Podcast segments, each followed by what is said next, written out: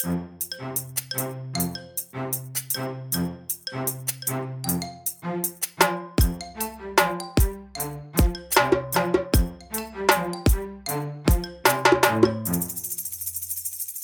varmt välkommen tillbaka till Stacken tillsammans med mig Daniel Gustafsson och Kim Hindart. Hubba. Idag Kim så ska vi ge oss in i eh, mera regler från EU och nya lagar och förutsättningar som kommer att stöka till det. Nej, inte nödvändigtvis stöka till det. Jag tycker personligen att det kommer hjälpa till och strukturera och få lite ordning och lite reglering. Men det finns nog de där ute i etern som inte håller med oss om att mera regler är positivt. Men vi ska prata om eh, EUs Cyber Security Act idag och försöka reda ut det. Och vi kommer att länka i avsnittet den svenska skrivningen för det här, för det finns en svensk skrivning. Det är fördelen med allting EU, de översätter till alla EU-medlemmars språk. Eh, så den länkar vi avsnittet så att ni kan titta den själv lite till allting som vi refererar till idag. Men EUs Cyber Security Act, Kim. Vad tusan är det för någonting? Eller kallades cybersäkerhetsakten i svenska. På svenska, då, precis. Ja. Men här får man ju ändå säga att EU har ju förstått att framtiden är så kallade den digitala marknaden. Mm. De är ju de är inte dummare än de hänger med. Varför är alla våra jättebolag idag inte oljebolag eller banker som det var en Mm. gång i tiden? Det är IT, IT och ytterligare IT. Så det är där det ligger, i den digitala världen, den digitala Mm. marknaden. Och då har ju EU faktiskt tittat och sagt att all annan typ av marknad, utom den digitala marknaden, är vettigt reglerad. Varför ska inte den digitala marknaden ha en reglering för? Och så säger alla Mm. motståndare att då skulle man förstöra världen om man reglerar den digitala marknaden. Då Mm. brukar jag jämföra med att skulle du vilja flyga utan att det finns någon form av sammanhängande flygregler? Ja. Jag skulle inte vilja göra passagerarflyg då. Nej. Inte åka med dem i alla fall, det kan jag säga. här. det, det kan vara. Men, men, det, men du har ju en poäng det att, att eh, åsikten är gärna att internet ska vara fritt och allting ska vara fritt inom it-världen och ska kunna vara man vill och regler hämmar bara utveckling och entreprenörskap och förstör och bara står i vägen för mänsklig utveckling och tjänsteutveckling. Men du har ju en poäng i att flygplan, bilar, båtar, kärnkraftverk fortfarande fungerar och utvecklas trots att det finns en massa regler. Så varför ska inte det gälla it-branschen för? Precis. För att säga det så här. Ska vem som helst få starta ett kärnkraftverk? Tycker vi det låter lämpligt?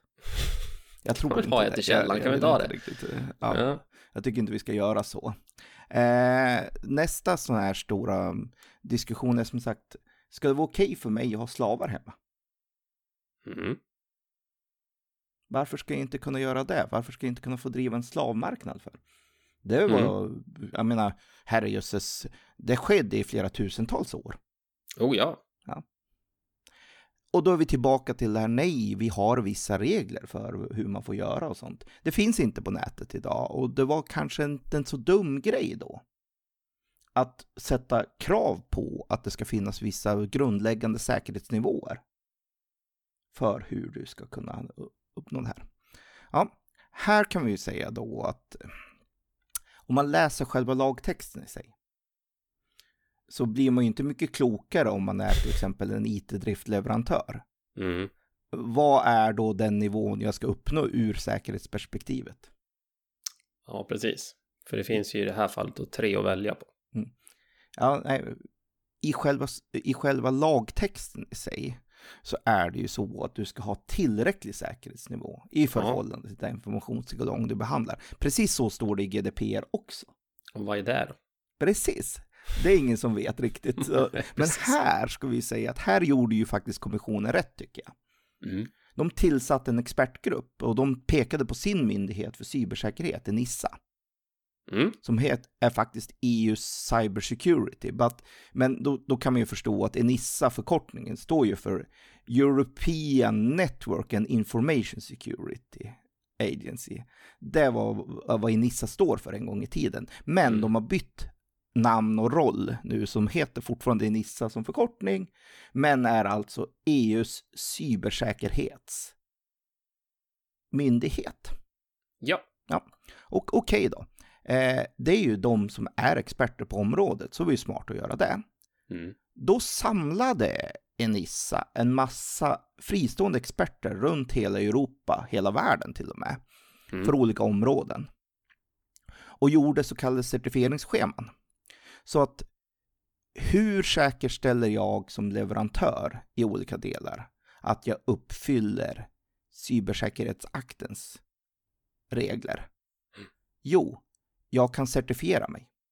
Just det. Och då finns det olika certifieringsscheman som de var smarta nog att ta fram på Inissa. Nämligen certifieringsschema för produkter, Mm. alltså telekomprodukter, switchar, Mm. servrar, ja, allt sånt kan certifieras. Datorer, telefoner kan certifieras. Det finns certifieringsscheman för artificiell intelligens, som mjukvara som handlar det. Mm. Det finns certifieringsschema för 5G, bland annat, så att säga. Och då kom igen direkt diskussionen, varför certifierar de inte 1G från början för? Mm. Ja, det är för att certifieringsschemat kom nu och eh, ja. Mm. Världen ser annorlunda ut idag. Ja, och, kom. Ja. första generations mobiltelefoni kom tidigare så de har Mm. inte förmågan att resa bakåt i tiden och certifiera om saker. Men med det sagt i alla fall så för allting nytt som byggs så kan du ändå certifiera det där. Mm. Eh, och bland annat lite mera. Och då tidigt, tidigt sa de molntjänst. En jätteviktig grej att certifiera sig för. Mm. Så det finns ett bra schema dedikerat för molntjänster att certifiera sig. Woho! Det är väl bra. Det var bra. Mm. Och sen precis som du säger, sen finns det till och med flera olika nivåer. Mm. För att normala certifieringar när det gäller informationssäkerhet ute på marknaden idag är det väldigt mycket av eller på. Ja. Det vill säga antingen är det certifierad eller inte. Det finns ingen mellanläge där och här insåg de ju då att det kommer ju vara skillnad på data och data. Jajamän. Till och med samma, samma myndighet, samma organisation kan ju ha olika krav på olika nivåer. Mm. Ja. Eh, så det är lite grann så här så. Eh, certifieringarna är ju, ja, skiljer sig åt lite grann på det sättet. Ja. Som sagt, de är ju tre till antalet då. Som då har tagits fram. Ja, så att, Men hur, hur, ska jag väl, hur, hur ska jag veta vilken nivå jag ska lägga mig på dem? För på svenska då, då så heter de grundläggande nivå, Mm. betydande nivå och sen så finns det en tredje som är den högsta nivån. Mm. Och vad ska, jag- hur ska jag veta vilken av de här jag ska använda? Då? ja, det här är lite grann så här. Eh, det som är intressant är ju det att om man tittar i deras själva schema då, då har de tagit Mm. fram en grupp riktigt genuina experter både på moln och cybersäkerhet. Mm. Och så har man ritat in vilka säkerhetskontroller och vilka metodiker ska finnas på respektive nivå. Så man har skrivit väldigt tydligt, vad är det som skiljer nivåerna ifrån? Så att säga. Mm. Sånt. Eh, ta ett exempel att alla tre nivåer säger att du ska ha en säkerhetspolicy. Mm. Mm. Men sen så kan de vara mera detaljerade eller mindre detaljerade på hur övergripande ska innehållet vara i vissa saker så att säga. Så att hög nivå och betydande nivå skiljer sig från den grundläggande nivån i liksom detaljrikedom av vad ska finnas i säkerhetspolicyn och vad ska finnas för process bakom säkerhetspolicyn. Till Ja. exempel som att högsta nivån kräver att du utvärderar din säkerhetspolicy med bestämd periodicitet också så att säga utöver. Liksom så att de brukar koppla på mera processer bakomliggande. Mm. Så att om man tänker sig, en del känner ju till ISO 27000 som är ett bra ramverk. Ja. Då är det faktiskt så att för att du ska nå högsta nivån skulle du dessutom vara ISO 27000 certifierad. Just det. Ja, och i, redan i början där så säger de att du ska följa vissa 27000 standarder. Och då är det så att en ISA grundläggande nivå innefattar mer än allt som finns i ISO 27000 standarden. Mm. Så den är ju hög i sig själv. Ja, så även Ja. om det är grundläggande nivå för EU cybersecurity så är det faktiskt en jätte, jättehög nivå generellt ska jag säga. Mhm. Så att, att vara ocertifierad betyder att du har, kan ha jättehög nivå i sig, så att säga. Att få någon Mm. av de här tre certifieringarna, det är ett Mm. stort jobb du behöver göra då, ska Mm. man vara medveten om. Ja, då kan man ju titta på vad var diskussionen, vad ska de skydda emot om man så säger. Just det. Ja. Vad är det bra för? Ja, grundläggande nivå säger de, är satt för att som mål kunna skydda mot allting som finns där ute känt. Alla kända hot där ute. Alla automatiserade så är det, du vet, att inte en riktad attack utan bara en sån här automatisk attack med robotar som söker och sånt. Ja. Så att den grundläggande nivån är till för att skydda mot allting känt. Mhm. Men det är ett stort jobb i sig. Men det är ju ett jättejobb, för det finns ju mycket som helst. Och, Ja. och det kan man säga att eh, hur många handen på hjärtat vet att man patchar saker i rätt tid med alla kända sårbarheter som dimper ner. Det är några hundra per dag och det är nog inte alla som patchar allt i hela sin infrastruktur hela tiden. Ja, en och annan där ute, jag vet vilka ni är, ni uppdaterar inte en telefon i tid.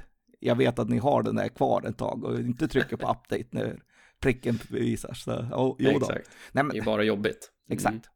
Så, så det där är ju en sån här typisk grej, så det är ju en sån här grej som är, men alla kända hot ska Mm. behandlas av eh, grundläggande nivån, så att den är, den är ganska gedigen om man säger i all Mm. informationssäkerhet. Så har du det, då är det så. Och då ska man ju vara medveten om att alla andra EU-regler kommer ju mappa mot den här när det gäller cybersecurity-krav och molnleverans då så att säga. Mm. För såklart, de andra är ju inte dummare att de refererar till expertgruppen. Nej, Och såklart. det är ett gediget jobb. Det är många, många tusen timmars jobb som är nedlagt på det här av Jajamän. experterna. Så att det, det, är inget, det är jättebra. Så den täcker väldigt mycket och just i de specifika områdena. Men då, då säger vi så här då att ta en sån typ som GDPR som säger att du ska ha tillräckliga tekniska och organisatoriska kontroller. Mm. Ja, det GDPR har fastslagit det är att du ska kunna täcka de kända hoten som finns där ute. Just. Så grundläggande nivå täcker GDPR. Bara för att GDPR gör inte skäl för att du ska kunna motstå en riktad attack. Där GDPR är ett nivå, det säger GDPR kan vara en nivå för hög. Du, liksom om, om CIA försöker verkligen hacka dig som bolag Mm. och stjäl GDPR-uppgifter. Ja, det kommer vara en data breach, ja, men det, du kan mycket väl komma undan att inte behöva betala böter alls för det. Mm. Bara för att GDPR anser att du har gjort det som rimligen förväntas att du gör. Ja, Så precis. GDPR är faktiskt rimlig på det sättet att kända saker, täpper du till det, då är det okej. Mm. Allting okänt, nej, det behöver du inte ta höjd för Nej. på samma sätt. Utan det, det kan GDPR komma över och så att säga inse att vet du vad. Men då pratar vi ändå om andra organisationer, typ banker, Mm. försäkringsbolag, sjukhus. De har ett högre krav Just än GDPR. Där räcker det inte med att du ska kunna motstå, vad heter det, det räcker inte så att säga med att du ska kunna motstå allting som är känt. Nej. och automatiserat och du vet inte riktat. Utan där har man som intryck att du ska kunna motstå eh, eh, en riktad attack. Och det här Just är det. lite roligt på EU-språk. Du ska Mhm. kunna motstå en riktad attack från en attackerare med begränsad kompetens och resurser. Mm. Och Ja, men det var väl ändå en bra beskrivning, Ja, ja, jag. precis. Ja. Men då, då frågar man ju vad menar ni med begränsad kompetens och resurser? ja, en budget på runt, eh, vad heter 100 miljoner euro är begränsat. Ja, precis. Och har man det i fickan och kan sätta fart, då har man ju ganska goda resurser ändå, för att vara tydlig. Då, man, då kan man ju hålla på en stund. Så att om ni förstår då, Mm. all internetbank, alla sjukhus, allting sånt. Ja, det, det de kräver i sin säkerhetsschema där som du ska kunna bygga upp då, är ju just att du ska bygga ett säkerhetsramverk som motstår en attack från folk med en miljard i hackingbudget på dig. Ja, Låt oss sätta det, låt oss sätta det från någon form av kontext och sammanhang här nu. Säkert någon där ute som lyssnar på det här har någon gång blivit utsatt för en DDoS-attack av någon som sitter i en källare hemma hos mamma med hennes kreditkort och blammar på.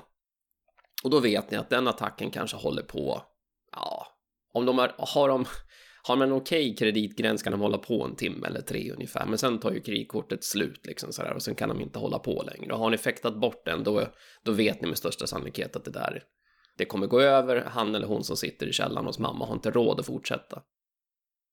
Men en miljard i kassan, du kan hålla på en stund. Om jag säger så. Du... Nu är plötsligt så kan jag liksom inte bara hålla på fler länge. Jag kan göra jättekraftiga attacker och tusan ja. vet om jag inte kan till och med lägga en sån attack så jag sänker det fullständigt. Då har jag ju råd att hålla på en stund. Och har jag en miljard i budget kan jag hyra in ganska bra kompetens också. Faktiskt. Ja, men eller hur? Och det är, det, här jag, det är därför jag känner att den här gränsen, när man...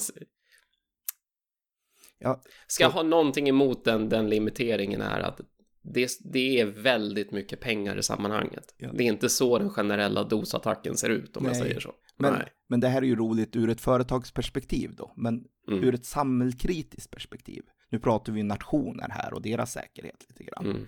Ja, ja, fair enough då. Eh, därför att nästa nivå som är nivå hög mm. ska kunna motstå en attack med mycket resurser och kompetens. Och då menar de ju då, alltså, vi måste ju förstå att nivå hög i deras sammanhang mm. är alltså militär hemlighet, det är alltså nationell säkerhet.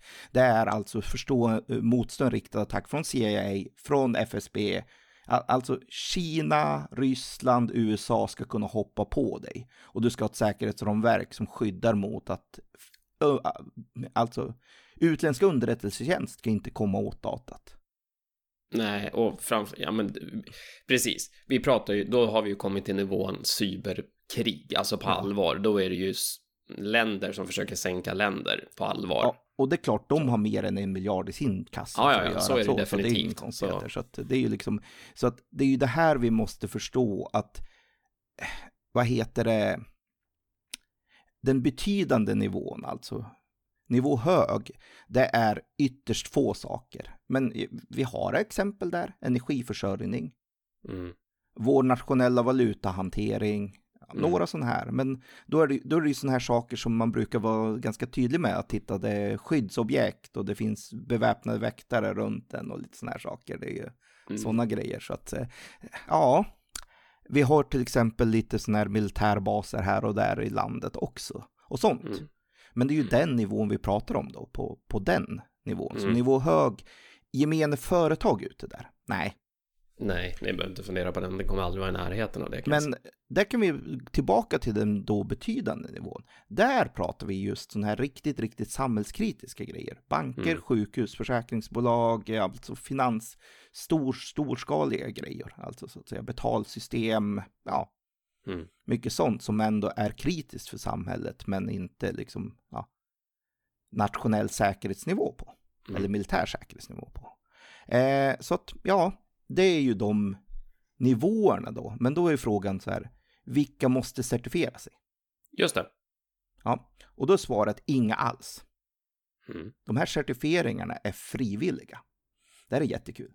De är helt frivilliga för vem som helst leverantör att göra det. Mm. Däremot så måste myndigheter som behöver köpa någonting mm. antingen upphandla det här eh, det här är ju så bra därför att tidigare har det inte varit så att en myndighet kan ställa. Du måste ha ISO 27000 certifiering. Och det är mitt godkända säkerhetskrav. De måste säga 27000 eller liknande. Och så mm. måste de ändå göra en bedömning själv. Mm. Här kan myndigheterna säga att vi vill ha Enissa IUCS assuransnivå betydande. Punkt. Mm. Och så måste du leverera det. Och det är okej okay då. För då kan de säga att det här är sånt vi har klassat och mappat. Så att nivå betydande är okej. Okay. Och då kan vi bara kräva det. I upphandlingar. Så att det är fullt fritt redan faktiskt idag. För företag och myndigheter. att kräva en Enissa nivå XX. Och en Enissa nivå, ja. Grundläggande, betydande eller hög, det kan man kräva. Mm. Då är ju nästa fråga. Vad händer om du kräver det då som en upphandlande part? Och någon säger jajamensan, vi åtar oss att göra det. Mm. Nu som företag, om jag säger som företag, ja, vi committar till att leverera det här på mm. Enissa-nivå. Betydande. Nu faller vi direkt under lagen. Mm. Nu kan tillsynsmyndigheter komma, granska oss och auditera oss. Och det är till och med så att det står i lagen att vi ska bli auditerade och testade på den här nivån med jämn regelbundenhet. Så nu helt plötsligt så har vi lagen på oss också. Så att, vad händer då? Jo, det, då är det så att när ett företag väl har committat, då står de under den här lagen.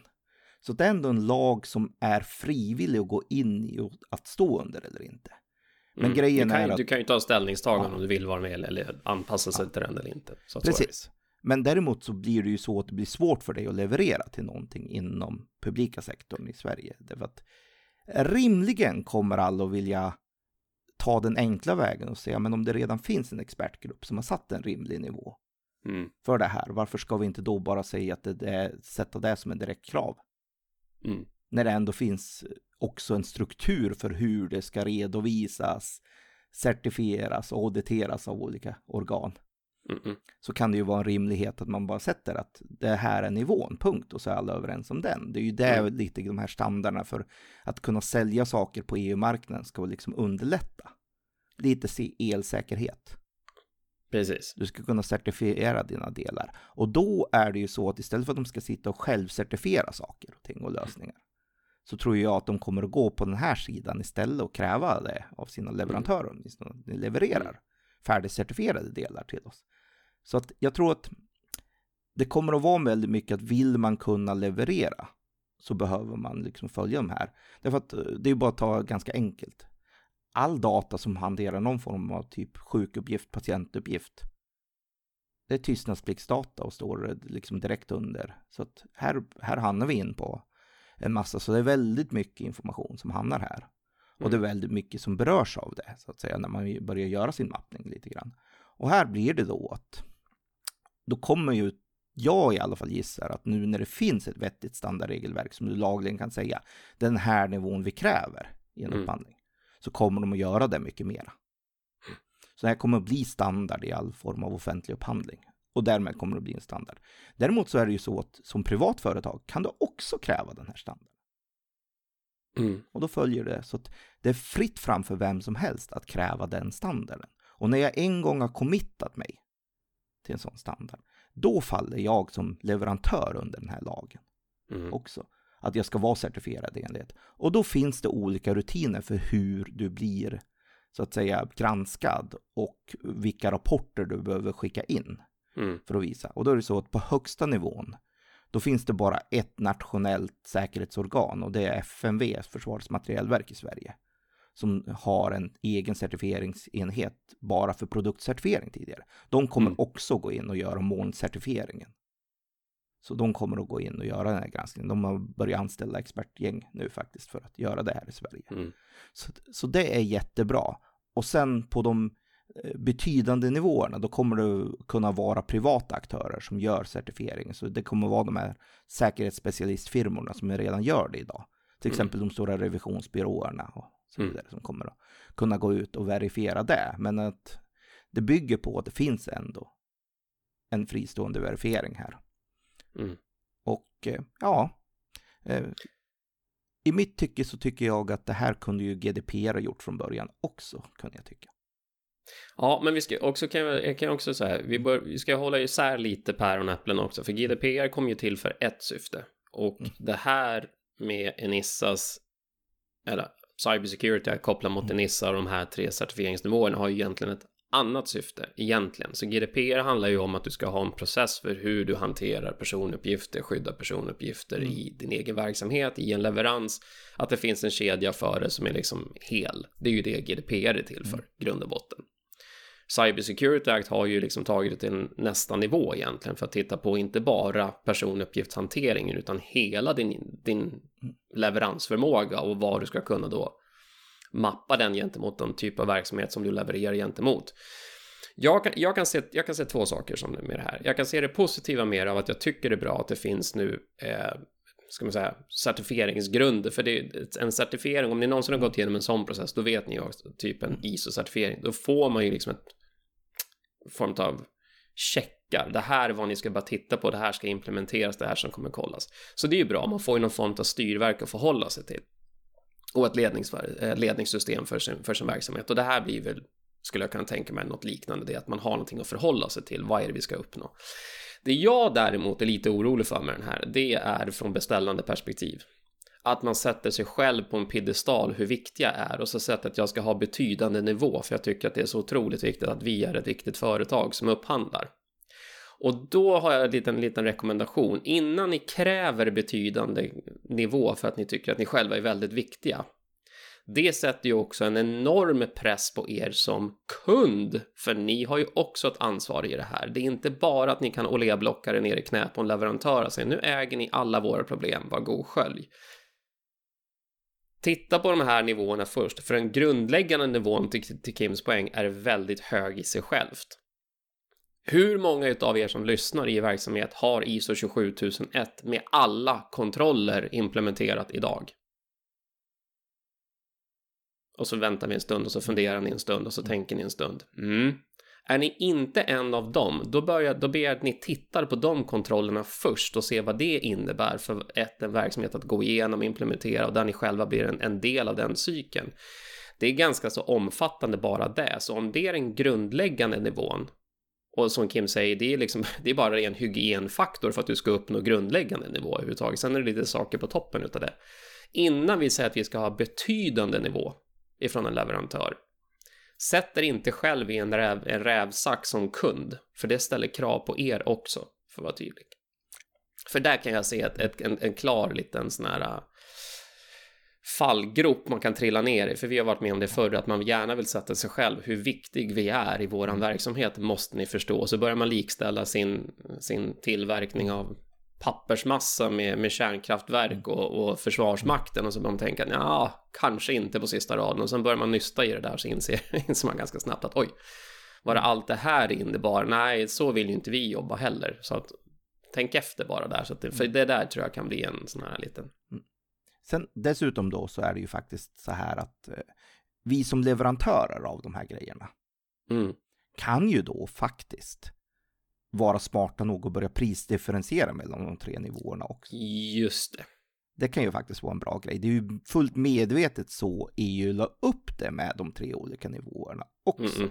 Bara för att, liksom, så att säga, så att det ska vara tydligt att du ska kunna prisdifferentieras. Och här är det ju också så att även om du har information som måste skyddas på nivå hög, är det all din information, måste det gälla alla dina system?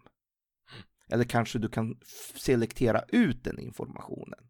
Mm och sen köpa billigare system för sån information som inte behöver det här. Det är ju också en sån här grej man faktiskt måste reflektera över nu då, så att säga. Att, mm. ja, allting måste kanske inte vara på nivå hög hela tiden heller. Nej. Men med det sagt så, ja, här blir det ju alltid en spännande grej för att se hur marknaden reagerar. Men absolut så menar jag att de som tycker sig själva jätte, jätteviktiga och vill ha nivå betydande. Mm ja, fair enough, men då får ju den kosta lite mer också då, och då får mm. du ju mm. vara beredd att betala för det. Exakt. Och så är det ju. Och inte här... då ska så säga vi vill ha betydande nivå eller hög nivå och sen hade man mm. 30 000 i budget liksom. Det, det, det, säga, det kommer inte det, funka. Det kommer att bli jobbigt. Men, det kommer bli eh, jättejobbigt. Mm. Men det är ju lite, men det är ju bara tänk som sagt. Jag ska köpa en ytterdörr. Mm. Ja. Jag vill ha en inbrottsklassad klass 3-dörr. Och så får folk hissna när de inser att det är 300-400 000 för en dörr. Mm. Tycker, ja men det är ju orimligt att det kan kosta så mycket. Ja men nej, och det blir mer till för du måste ju ha en klass 3 certifierad tekniker som monterar dörren också. Då. Lite sådana här Exakt. saker. Så vet du vad, vill du, är det verkligen ett krav, ja då får du ju, då får du ju så att säga ta det på på den sidan. Men högre säkerhet kostar en slant och det är ju det mm. som är bra med det här ändå. Att det är inte ett av eller på utan här är det verkligen att ja, här kan du ha olika leveranser. Så att som sagt, jag som till exempel leverantör skulle ju teoretiskt kunna behöva leverera på alla tre nivåer till en och samma kund i olika sammanhang också. Mm. Så det är inga konstigheter. Men här kan man ju som sagt prisdifferentiera lite då också. Mm. För det kan ju vara en poäng då att kunden kan få tänka efter och säga exakt hur mycket av superhögsta nivån behöver vi egentligen. Mm. Behöver inte sätta lunchlistan där kanske om jag säger så. Nej, mm. så att, om man säger så då, men eh, bara så vi tar det här igen, grundläggande nivå.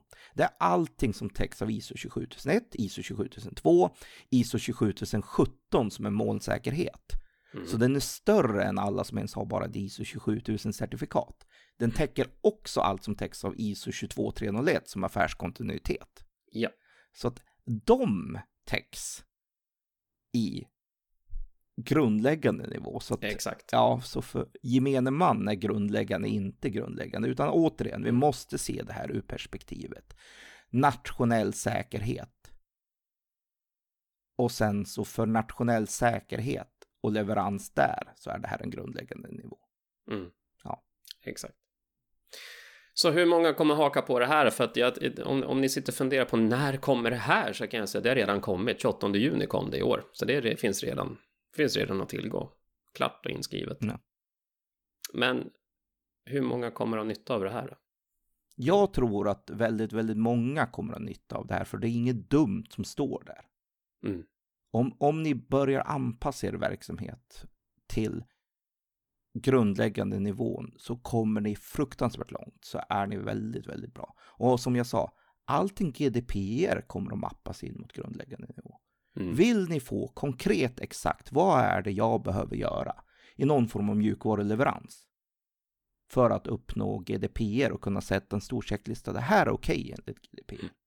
Alltså naturligtvis, det finns rena processer om det faktiskt så att du sitter i ett säljsystem och tittar på Mm. folks uppgifter så finns det ju processer hur du ska hantera dem.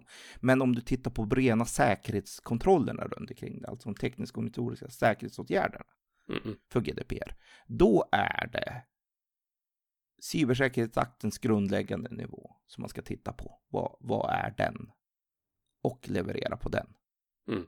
Men den kommer du jättelångt med ur ren hygien om du vill undvika saker generellt överhuvudtaget i din IT-leverans. För som sagt, den täcker ett krav att du ska kunna motstå attacker från kända hot. Och det är liksom, vill jag påstå, 99% av all vettig hygien i hela Mm. IT-sammanhanget i IT-Sverige. Mm. Därför att de stora, stora läckagen, de stora ransomware-grejerna och sånt, de hade kunnat undvikas om du levererat på grundläggande nivå. Mm. Så det, det är också värt att förstå. Liksom att det inte, ja. Ytterst få allvarliga attacker har skett med någonting okänt i en zero day som man säger så att säga. Ja, nej, Men det är oftast som någonting man känner till. Så är det ju. Utan det här är någonting som man har gjort en ops i eller glömt någonting eller Mm. ja, man råkar klicka in och skrö, skräp i sitt system och lite sådana här saker. Mm. Så att, jag menar, grundläggande nivå idag när allting är uppkopplat är faktiskt en vettig standard att ha. Ja. Och det är lite som att det, jag brukar jämföra det här med att det är som att du inte ska sitta och åka runt med bilar med körförbud. Det finns en anledning till varför vi har bilar med körförbud. Mm. Kommer de att rulla på vägen fortfarande? Det kommer de absolut att göra. Mm. Men det finns en anledning till varför vi vill göra en checkup på saker och ting och veta att Ja. det är för att vi vill hålla trafiken säker. Exakt. Det här är också bra grundläggande nivå. Mm. Så, ja. Okej, så då den sista frågan då, då, med tanke på allt vi har gått igenom i GDPR och datalagar runt om i världen som inte matchar varandra. Hur matchar det här övriga världens åsikt om datareglering? Alltså när det gäller cybersäkerhet så är faktiskt övriga världen väldigt, väldigt överens om best practice. Ska man säga. Mm. Den här, alltså de här praktiska exemplen på vad du bör göra som är rent best practice för att leverera någonting säkert i, i global cybersäkerhetssammanhang idag stämmer väldigt väl överens. Och matchar väldigt, väldigt bra. Så att ur den praktiska praktikaliteten, om man tittar bara på själva certifieringsschemat för mig som molnleverantör, Mm. då matchar den extremt bra. Om du tittar på övriga delar i lagen som är lite mera jobbigare för andra utländska leverantörer till exempel, Mm. så finns det ju sådana här saker som att du ska betrakta data sovereignty som en exempel och lite sådana här saker. Och där blir det jobbigare med en gång. Men Mm. när det gäller nationell säkerhet så är det ju inte så jädra dumt att, att ha en riskanalys. Är vi extremt beroende av någonting från USA? Behöver vi ha en strategisk reserv i Sverige för en sån grej då kanske? Mm. Eller ska vi bara blint förlita oss på att blir vi anfallna så ska vår försvarsförmåga bygga på att vi får grejer i Mm. snabb leverans från Nordamerika. Ja, det där är ju sånt som ska diskuteras lite grann. Så det, Ja. kan ju faktiskt... Så det finns ju poänger där. Så att den är ju inte jättevänlig för saker utanför EU. Utan den är Nej. byggd för att EU ska ha resistans själv. Det är ju hela Ja. grejen, så att säga. Men med det sagt, allting på den rena grundläggande nivån är fullt rimligt rakt igenom. Och det är en fullt rimlig grej som är liksom satt ur en vettig global standard. Så där matchar den bra ur det praktiska. Så att ur vårt praktiska hänseende så matchar den bra för det är liksom saker du vill alla andra institutioner runt om i världen vill att du gör också egentligen. Du patchar Mm. en sak i tid. Du har en process så att du förändrar inte saker och öppnar hål i brandväggen och säger en oops, det glömde jag. Nej, Som exempel. Det, är inte helt dumt att ha dem faktiskt. Så att säga. Ja. Nej. Okej. Så det var första grundläggande diskussionen om Cyber Security Act. Jag har en känsla av att vi kommer få prata om det här igen. Eh, och för alla er som lyssnar på det här, jag uppmanar er att ta en titt på det här, vad det innebär, både som leverantör och från ett kravställande perspektiv också. Eh, för det här är ett bra initiativ tycker vi, vi från EU, att det nu äntligen börjar komma någon form av styrverk runt omkring det här och framförallt någon form av certifieringsprocess också som man kan titta på för då får vi också en enhetlighet vad man tittar efter och det är en bra sak. Ska vi avsluta den här diskussionen, höll jag på att säga, men det här avsnittet med en annan diskussion som du gärna vill, eller du, vi vill lyfta som en viktig grej. Och det är att oftast, eh, eller tidigare i avsnitt så har vi eh, hänvisat till EUs syn på mänskliga rättigheter. Och det här är ju kopplat till GDPR. Då. Om ni tänker er efter det så finns det ju grundläggande det till GDPR att det är att främja den mänskliga rättigheten att din eh, digitala integritet skall ha ett skydd och behandlas med respekt därefter. Men vad är då den mänskliga rättigheten i deras syn? Var, var, varför är det så jäkla viktigt att man tänker på den? Ja, alltså det är ju bara en ren värderingsprincip. Demokratiska länder världen över brukar i grundläggande eh, faktiskt kunna skriva under på eh, Förenta Nationernas eh, så att säga deklaration om mänskliga rättigheter. Mhm. Vi kommer att, vad heter det, länka det då så att säga. Men om, om man tittar då på vad är det egentligen som står i Förenta Nationernas deklaration om just mänskliga rättigheter. Ja, det är inte så jädra dumt egentligen för att eh, om man tittar på nästan allting konstitutionellt med de här olika förordningarna som ska finnas i ett grundlagsskydd. Mm. Så mänskliga rättigheter är ganska matchar väldigt väl där, så att säga, Mm. är runt om. Så att jag tycker ju för sig då att jag tycker EUs och framförallt Europadomstolens högsta nivå är ju att eh, om man tittar på vad, vad, vad finns till exempel i svensk grundlag? Mm. Det finns vissa grundläggande förutsättningar för jag som medborgare ska kunna känna trygghet. Jag ska inte kunna bli, ja, vad heter det, misshandlad av myndigheter och stat hur som helst. Utan jag ska Nej. kunna ha en viss trygghet. Jag ska kunna lita på att det finns en viss rättsprocess som gör att jag blir inte dömd hur som helst. Sådana här saker som att jag ska kunna ha en yttrandefrihet och en åsiktsfrihet. Det, det är ju sådana här fundamentala grejer som vi tycker är viktigt att ha i grundlagen, men det matchar väldigt väl också med mänskliga rättigheterna. Det som är lite speciellt för Sverige, det är ju just regeringsformer och hur väljer vi faktiskt våra lagstiftare, hur väljer vi våra... Det kan ju skilja sig från land till land och här har ju Mm. EU då sagt att där gör de inte mycket.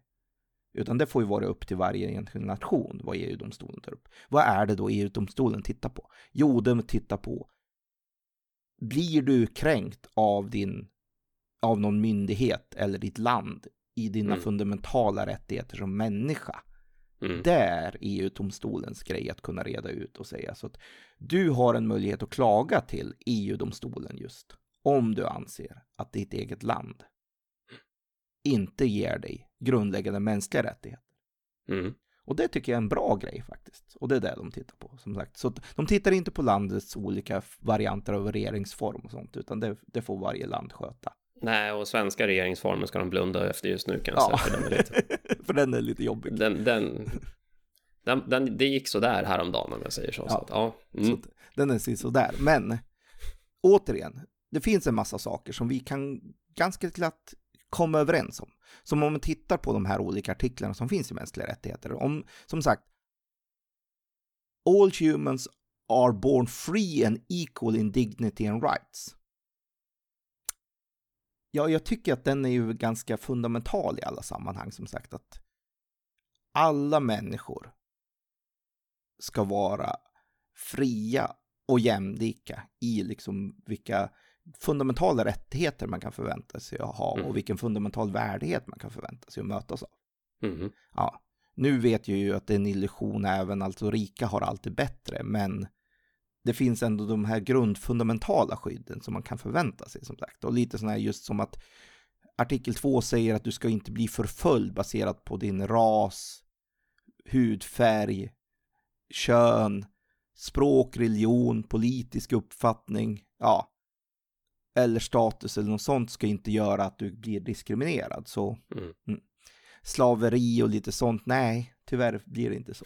Och sen så finns det en andra charter, men mycket av det här är ändå just om att du ska inte bli få ingen har rätt att tortera dig, du ska inte bli såld i slaveri, du ska liksom inte, vad heter det, du ska ha likhet inför lagen. Så mm. du ska ha rätt till en rätt, eh, rättssäker process. Mm. Och lite sån här. Och ingen ska godtyckligt kunna få sätta i fängelse. Och framförallt du ska ha rätt till en åsikt. Och din åsikt ska inte göra att du hamnar i fängelse och lite sådana här saker. Så att om man tittar i den här, och jag tycker ibland missar man det, men läs gärna den här för att det är väldigt, väldigt bra saker som står där. Så att allt mycket där hänger ihop till vad som är common sense. Mm. Men med det sagt så kan man tänka efter lite grann och säga följer de här länderna, alla länderna de här då? Nej, tyvärr är det så. Mm, nej, väldigt det är många länder som problemet. Som varför inte... finns Som jag brukar säga, varför, varför finns en stoppskylt eller varför finns det en skylt som säger hoppa inte ut för stupet? Jo, därför att mm. någon har hoppat ut för stupet. Vi följer inte rekommendationen. Så det är därför uttryckligt den här skrivelsen finns till att börja med. Och det är därför att om en nation vill bli medlem i EU och stå under jurisdiktionen av EU-domstolen mm. så måste man skrivit under den här charten också. Det är ett grundläggande begrepp. Exakt. Så länder som inte godtar Förenta Nationernas deklaration om mänskliga rättigheter får inte mm. ens vara med i EU då, för att, så att säga. Så det här är ju ändå en sån här ganska fundamental grej som är viktig att liksom, ja, börja lägga ihop. Och här är det just det här med att du ska ha rätt till en ordentlig rättsprocess. Det var det som de EU-domstolen är arg på USA framför allt mm. med deras Pfizer-rättsprocess. Där du har en hemlig rättsprocess. Där du som är den som är mål för den processen mm. inte får delta. Mm. Det anser de bryter mot en fundamental grundläggande mänsklig rättighet. Och det är så att säga, så där är liksom återigen var allting kommer ifrån. Men återigen, läs gärna mänskliga rättigheterna för jag tycker det är en väldigt bra standard att titta på. Ja, framförallt om man läser igenom den och sen så funderar man på hur, hur, på vilka etiska grunder bedriver vi vår egen verksamhet? Möter vi själv den här i våran, våran strävan efter att utveckla ett företag, tjäna mera pengar, för få mera kunder? Mm. Vart, vart står vi i det här? Det, jag, tror, jag tror det är en ganska nyttig liten övning att göra som företag också, titta på den liksom så. Så den är liksom, den är inte alls dum att titta tillbaka på. Så att jag, jag säger det, jag vill göra ett slag för att man faktiskt, jag tror att folk tittar för lite på den, utan slutar efter man har gått ut ur skolan så mm. är det sällan man tittar tillbaka på den, men den är väldigt, väldigt bra. Jag tycker att jag tycker att väldigt mycket grundlag kan säga så här stiftar vi och bildar vi en regering i vårt land. Mm. Check. Och sen så kan grundlagen vara resten följer vi mänskliga rättigheterna. Så är vi mm. väldigt, väldigt bra i en grundlag. Så att jag tycker att den är liksom, den är jättebra för allting grundlagsgrundande i en modern demokrati för hur man skyddar. Mm. Och tillvaratar att människor inte, ja. Så det är, det är liksom, ja. Och den tycker jag så att säga är, är liksom en bra bas om du någonsin ska göra en författning. Så om du ska bilda ett nytt land, Daniel, Ja. Som ska vara demokratiskt. Då är det här bra. Nej, när jag köper min ögrupp och startar mitt eget land. Ja, precis exakt. Ja, så. Då, då har vi den som en grund för, en grundförhållning hur vi ska bete oss mot varandra. Jag håller ja. med. Det låter som en bra idé. Så, så att, ja, ja men vad bra då. Då har vi väl fyllt dagens kod tänker jag med en ganska lång diskussion. Jag hoppas att det här gav någonting. Vi länkar naturligtvis eh, Cyber Security Act eh, eh, skrivelsen och även eh, mänskliga rättigheter från FN i eh, avsnittet så kan ni läsa själv. Men till nästa gång, på återhörande.